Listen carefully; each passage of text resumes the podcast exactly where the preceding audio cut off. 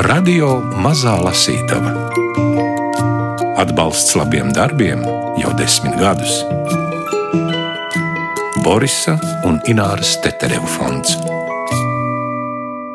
Argentīniešu rakstnieka Giljermo Martinesa krimināla romāns Nemanāmi noziegumi, kas pazīstams ar nosaukumu Slepkavības Oksfordā, guvis lasītāju un kritikas atzinību. 2003. gadā par šo darbu autors ieguvis prestižo Planēta Prize balvu. Pirmo reizi latviešu valodā romāns izdots 2007. gadā, Tagad klajā nācis atkārtots tā izdevums, un tam ir iemesls, skaidro apgādes zvaigzne ABC redaktore Kristīne Kupce.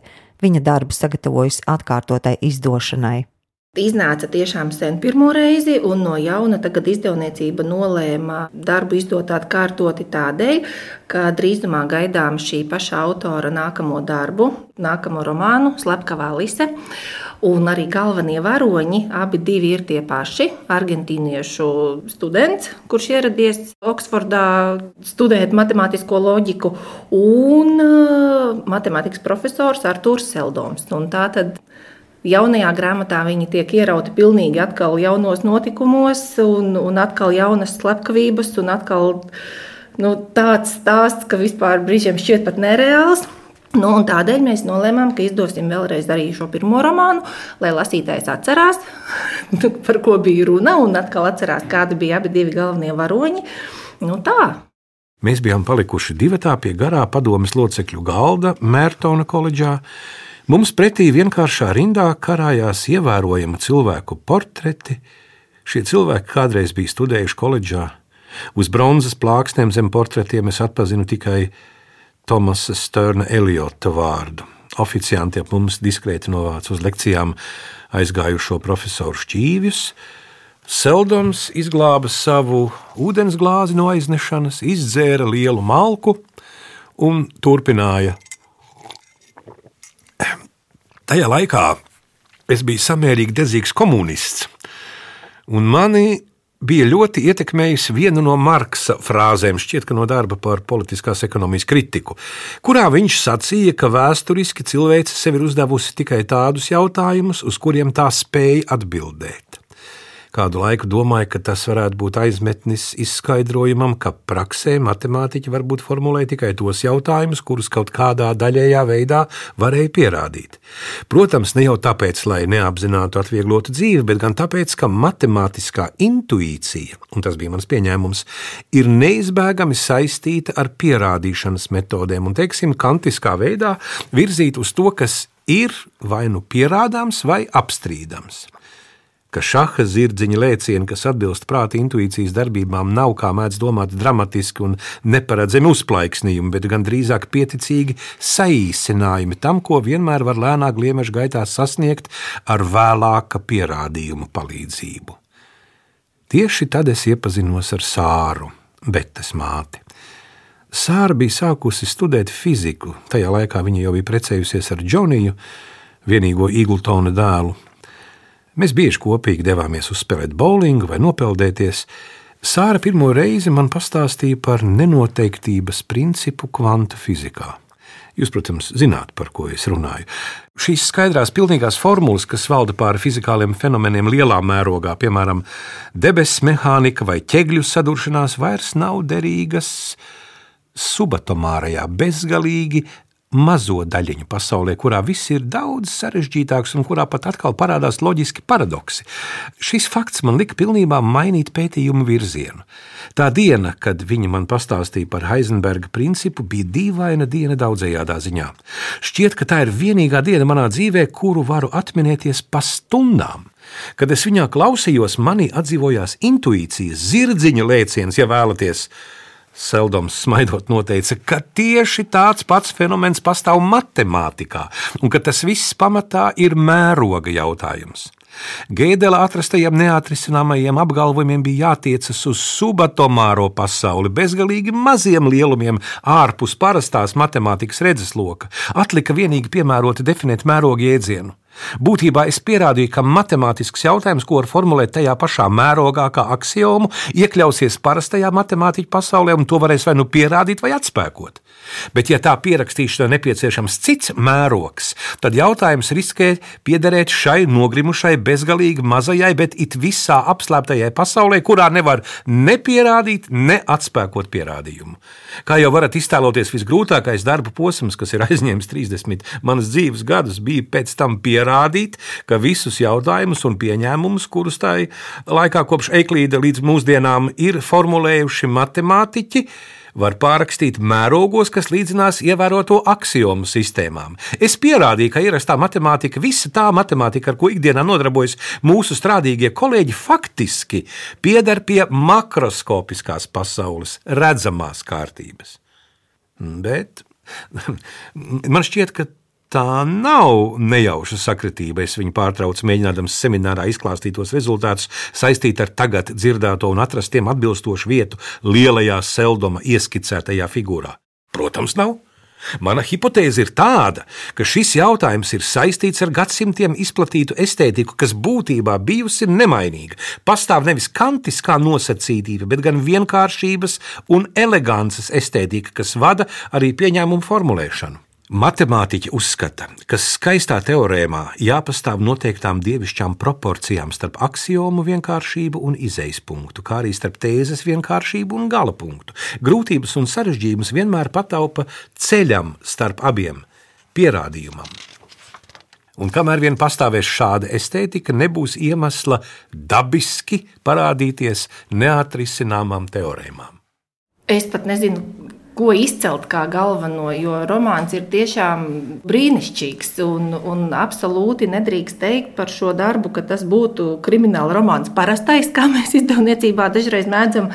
Jokot, ka nu, tā, tas tāds vieglais, lasāmais jūrmalai vai, vai atvaļinājumam, bet romāns tiešām prasa nepārtrauktu lasītāja līdzdalību, lai tas domas pavadiens nezustu un romānā ir tik daudz, kā, ka patiesībā grūti to nosaukt tikai par kriminālu romānu. Jo es pati, kad lasīju, tiešām ar sajūsmu un ar apbrīnu.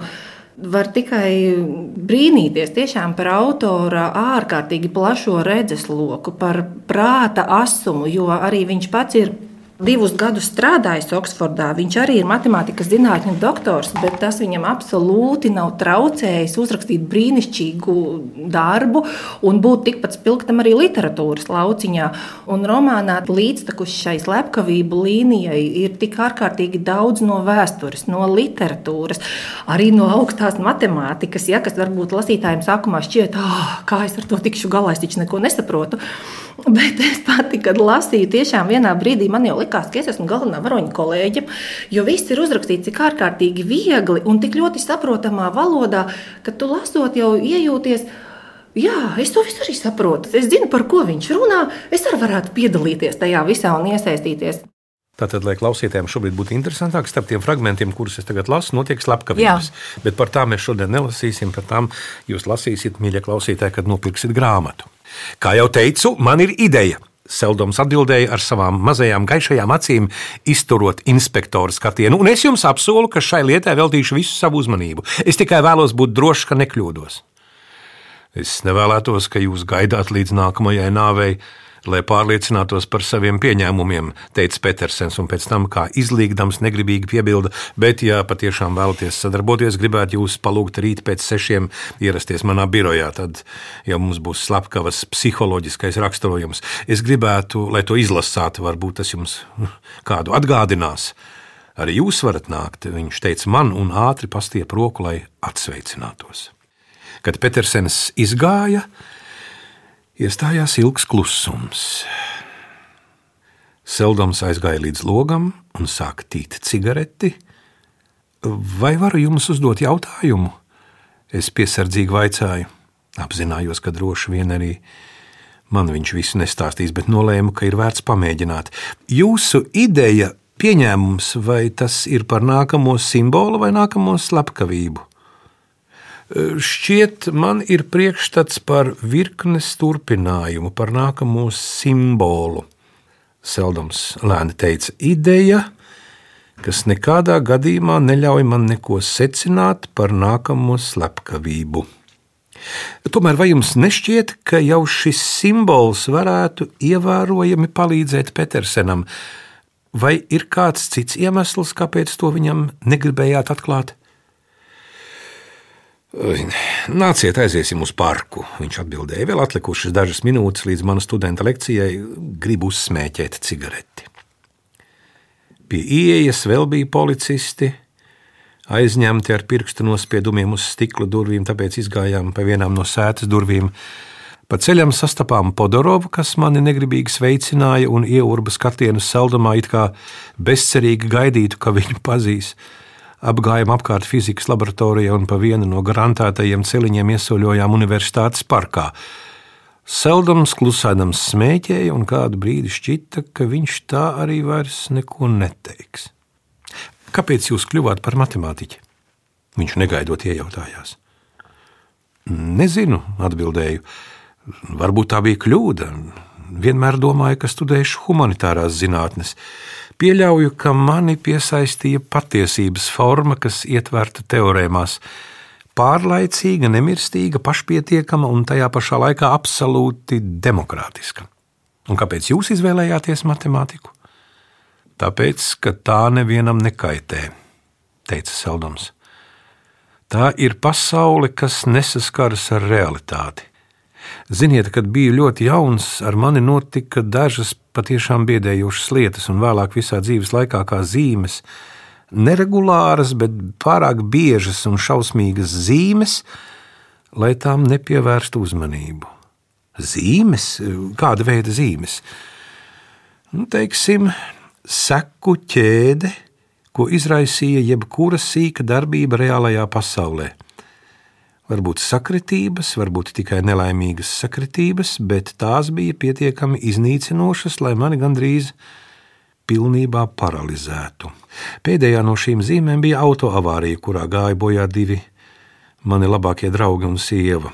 Ir grūti to pateikt tā, lai neskanētu absurdi, bet vienmēr jau kopš ļoti agras bērnības es esmu ievērojis, ka mani pieņēmumi par reālo pasauli piepildās.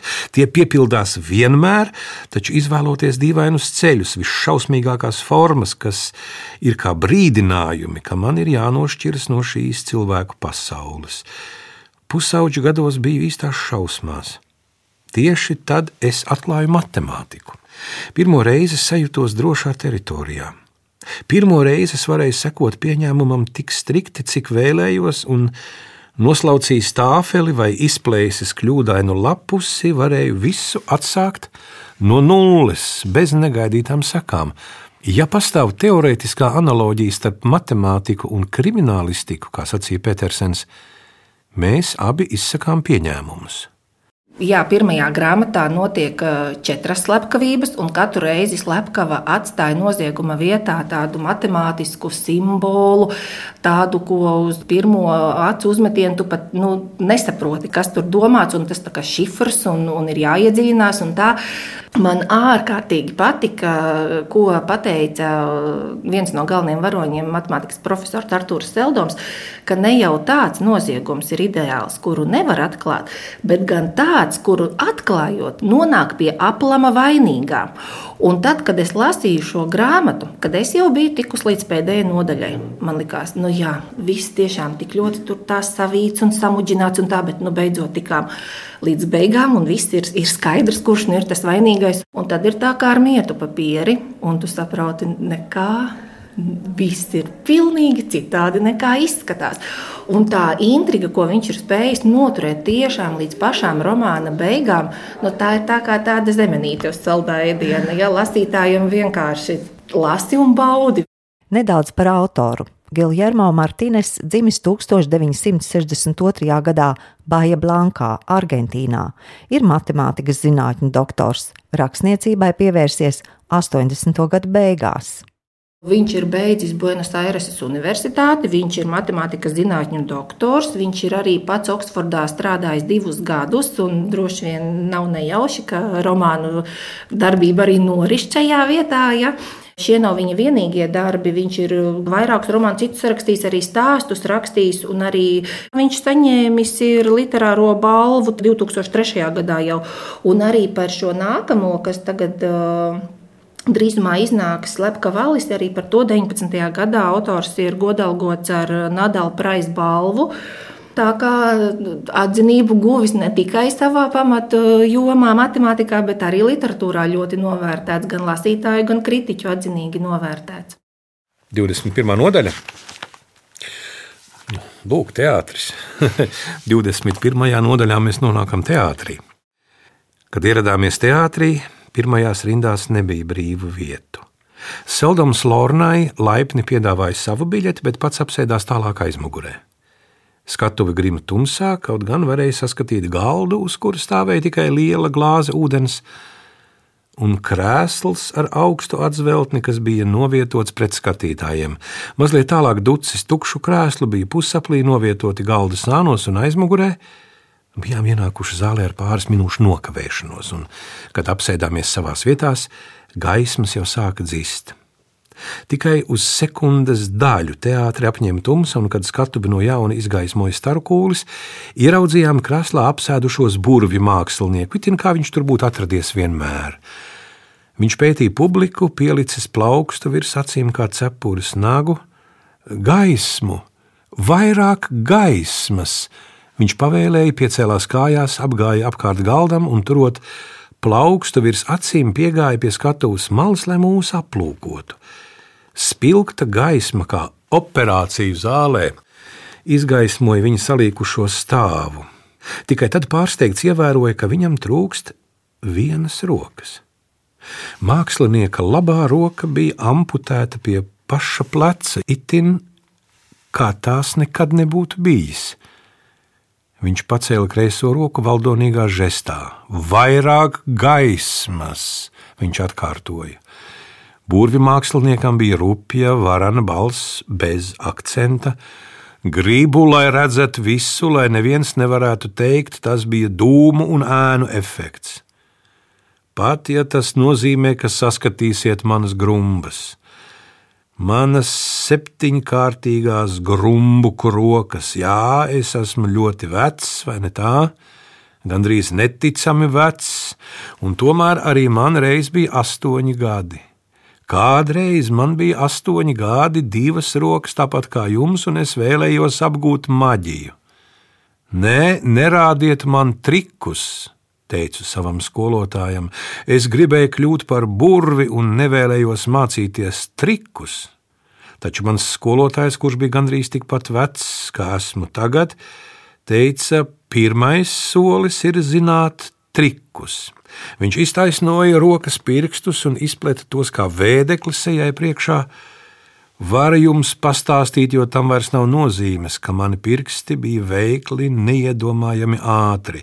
Man bija dabas dots talants, un pavisam drīz es ceļoju pa visu valsti, mazais burvi mākslinieks, gluži kā cirka dīvainis, bet desmit gadu vecumā iekļuvu nelaimes gadījumā. Vai varbūt tas nebija nelaimes gadījums? Kad pamodos, gulēju slimnīcas gultā, un man bija palikusi tikai šī kreisā roka. Man, kurš gribēja kļūt par burvi, man, labrocim, bet tad vēlreiz ieradās mans vecais skolotājs, un kamēr vecāki raudāja, viņš tikai pateica: Šis ir otrais solis. Varbūt kādreiz kļūsi par burvju mākslinieku. Skolotājs nomira, un neviens man nepastāstīja, kāds ir trešais solis. Un kopš tā laika ik reiz, kad kāpju uz skatuves, sev jautāju, vai ir pienākusi šī diena. Varbūt tas ir kas tāds, ko varat pateikt tikai jūs. Tāpēc vienmēr lūdzu gaismu un aicinu uzkāpt uz skatuves, nākt tuvāk un skatīties. Nāciet šurp! Viņš lika uzkāpt uz skatuves pusē skatītāju no pirmās rindas, lai tie apsēstos tukšajos krēslos ap burvi mākslinieku. Tuvāk, vēl tuvāk, gribu, lai skatāties uz manu roku, neļaujiet sevi pārsteigt, jo atcerieties, ka šodien es nevēlos rādīt trikus. Viņš izstiepa kailo roku pār galdu starp rādītāju pirkstu un īkšķi turēdams kaut ko baltu un maziņu, ko nevarēja saredzēt no mūsu sēdvietām. Es nāku no valsts, kuru dēvē par pasaules maizes klēti. Nebrauc prom, dēliņ, man teica māte, šeit tev nekad netrūks maizes rikas. Bet es aizbraucu, es devos prom, taču vienmēr ņēmu sev līdzi šo maizes drupaču. Viņš pagriezās un turēdams pirkstos balto maizes lodīti parādīja to no visām pusēm un uzmanīgi nolika uz galda. Tad ar apļveida kustībām uzspieda tai ar plaukstu, it kā mīcīdams, maizes drupačas iet dīvainus ceļus. Putni tās naktīs uzknābā, un tās vairs nevar atgriezties. Ja atgriezīsies, māte teica, tev nekad netrūks maizes rieciena. Taču es nespēju atgriezties, cik gan dīvainus ceļus iet maizes drupačas, ceļus, lai dotos, bet neatgrieztos. Burvju mākslinieka plauksta hipnotiski riņķoja virs galda. Tāpēc pa ceļam neizmetu visas maizes drupačas, un, lai kurp es dotos, vienmēr tās ņemu sev līdzi. Viņš pacēla roku, un uz galda tagad atradās maza, iegarana maizīte. Maizes rieciens. Fragmentus lasīja Gunārs Sāboliņš. Romānu no spāņu valodas tulkojas Edgars Briška. Brīnišķīgi iztulkota grāmata, valoda Es, es gan domāju, ka jau pašam autoram, eh, protams, ka viss ir ļoti labi un kārtībā, bet eh, tiešām arī tulkotāja darbs brīnišķīgs. Eh, bauda strādāt redaktoram, ja, jo, jo ļoti daudz nianses uzķertas tādas tieši tādas valodas ziņā, tādas odziņas, ja, kas eh, lasītājiem tiešām tā kā tāds saldējs ēdiens varētu būt. Bet abi, abi tulkotāji brīnišķīgi strādājuši ar abiem, tiešām ar abiem romāniem. Tā kā abus var uzteikt gan Raupa kungu, gan Briškas kungu, abi divi. Jaunais Giljermo Martīnes romāns Slepkava Alise jau gatavs drukāšanai. To tulkojas Edvīns Raups. Kā uzzina no redaktoras Kristīnas Kupces, galvenie varoņi būs tie paši, kas romānā Slepkavības Oksfordā. Arī autora mīlestība pret literatūru un matemātiku ies roku rokā. Martinesa jaunākais romāns iznāks apgādā zvaigzne ABC, tāpat kā Slepkavības Oksfordā. Radio Mazā Lasītava Atbalsts labiem darbiem jau desmit gadus. Borisa un Ināras Teterevu fonds.